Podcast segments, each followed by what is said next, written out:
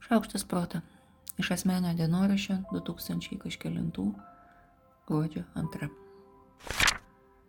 Sėdžiu apsiviniojusiu savo ištikimų mėlynų languotų apklotų. Šis traukia jį retai, saugo jo išplonėjusius kadaise pukuotų šonus, nes noriu, kad man jau užtektų visam laikui. Bet panašu, kad grįžom namo su keliais kažkurioje stotyje ar kažkuriame uoste prie manęs pritapusiais virusais. Panašu, kad jiems čia jauku ir jie nutarė pasilikti ilgėliau. Mano mėlyno languoto kokono viduje šilta ir minkšta. Ir tą jausmą vis norisi pagarsinti. O tą kitą, kur suka visą kūną kaip grežiama, o galvoje aidi neaiškus kosminiai garsai, norisi pritildyti. Geriu arbatą ir žiūriu gamtos dokumentiką. Buvo portugališkos skaičias palvės medūzos, dabar Brazilijos laukinė gamta. Ar žinojot, kad didžiausia laukinių leopardų populiacija gyvena Brazilijos miškuose? Ne, nežinojau, bet sužinojus niekas galvoje nekrusteliu, matyt vis tik guli užsikloja galvas visiais rankšluošiais ir stengiasi nejudėti. Negaliu sakyti, kad sergu kažkaip smarkiai. Nei kažkaip baisiai kosėju, nei kažkiek daug temperatūros, net ir tas laužimas skausmas koks tai labai tolimas. Bet negaliu sakyti ir kad jaučiuosi gerai. Ir šitam tarpe tarp gerai ir negerai yra labai jau neapibrėžiamai keista. Reikėjo žodį po žodžio, eilutę po eilutės ir darbai nors ir lietai, bet slenkasi į priekį. Lik žiūrėčiau į lietai sėlinantį traukinį. Man tinka ir taip. Atsigulti ir stebėti, kaip slenka laikas ir visą likusį laiką nesugebėti nukreipdėmėsio nuo savijautas vis tiek nebus geresnis pasirinkimas. Žinau, kad atsigulti norisi ir kad man atrodo, jog tai bus geriau. Žodį atrodo, jau žinau, kad reikia apibraukti, nes jis čia didžiausias melagis. Man nereikia daryti to, ką darau, bet iš visų blogų pasirinkimų šitas atrodo geriausiai.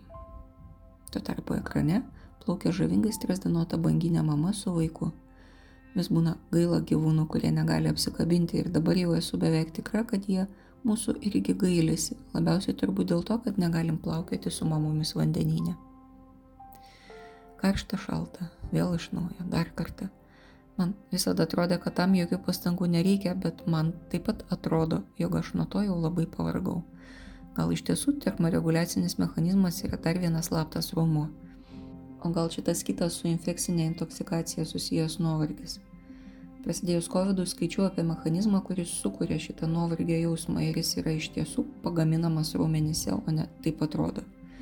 Taip, aš medikų vaikas ir aš laisvalaikiu skaitau tokius dalykus ir galiu neužsikirzdama pasakyti infekcinė intoksikacija.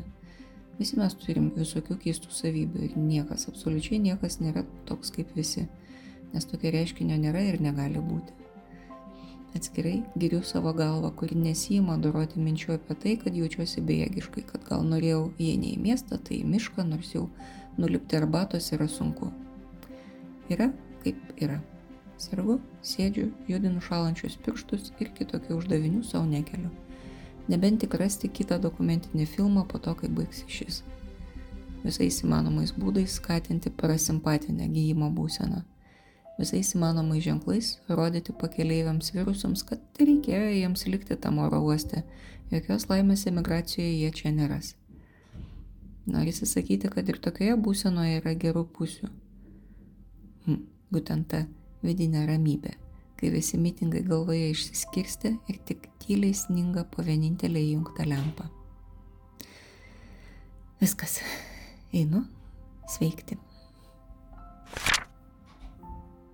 Aš Monika Kuzminskaitė, sveikatos ir mytybos psichologė, padedu spręsti kasdienius ir sudėtingus elgesio, mąstymo ir emocijų klausimus. Rašau, skaitau paskaitas, teikiu psichologinės konsultacijas. Mane rasit socialiniuose tinkluose vardu Šaukštas Proto arba gyvai Vilniuje Goštauto gatvėje. Rašykit man asmeninę žinutę socialiniuose tinkluose arba elektroniniu paštu adresu šaukštas.proto atgmail.com. Taikos ir ramybės.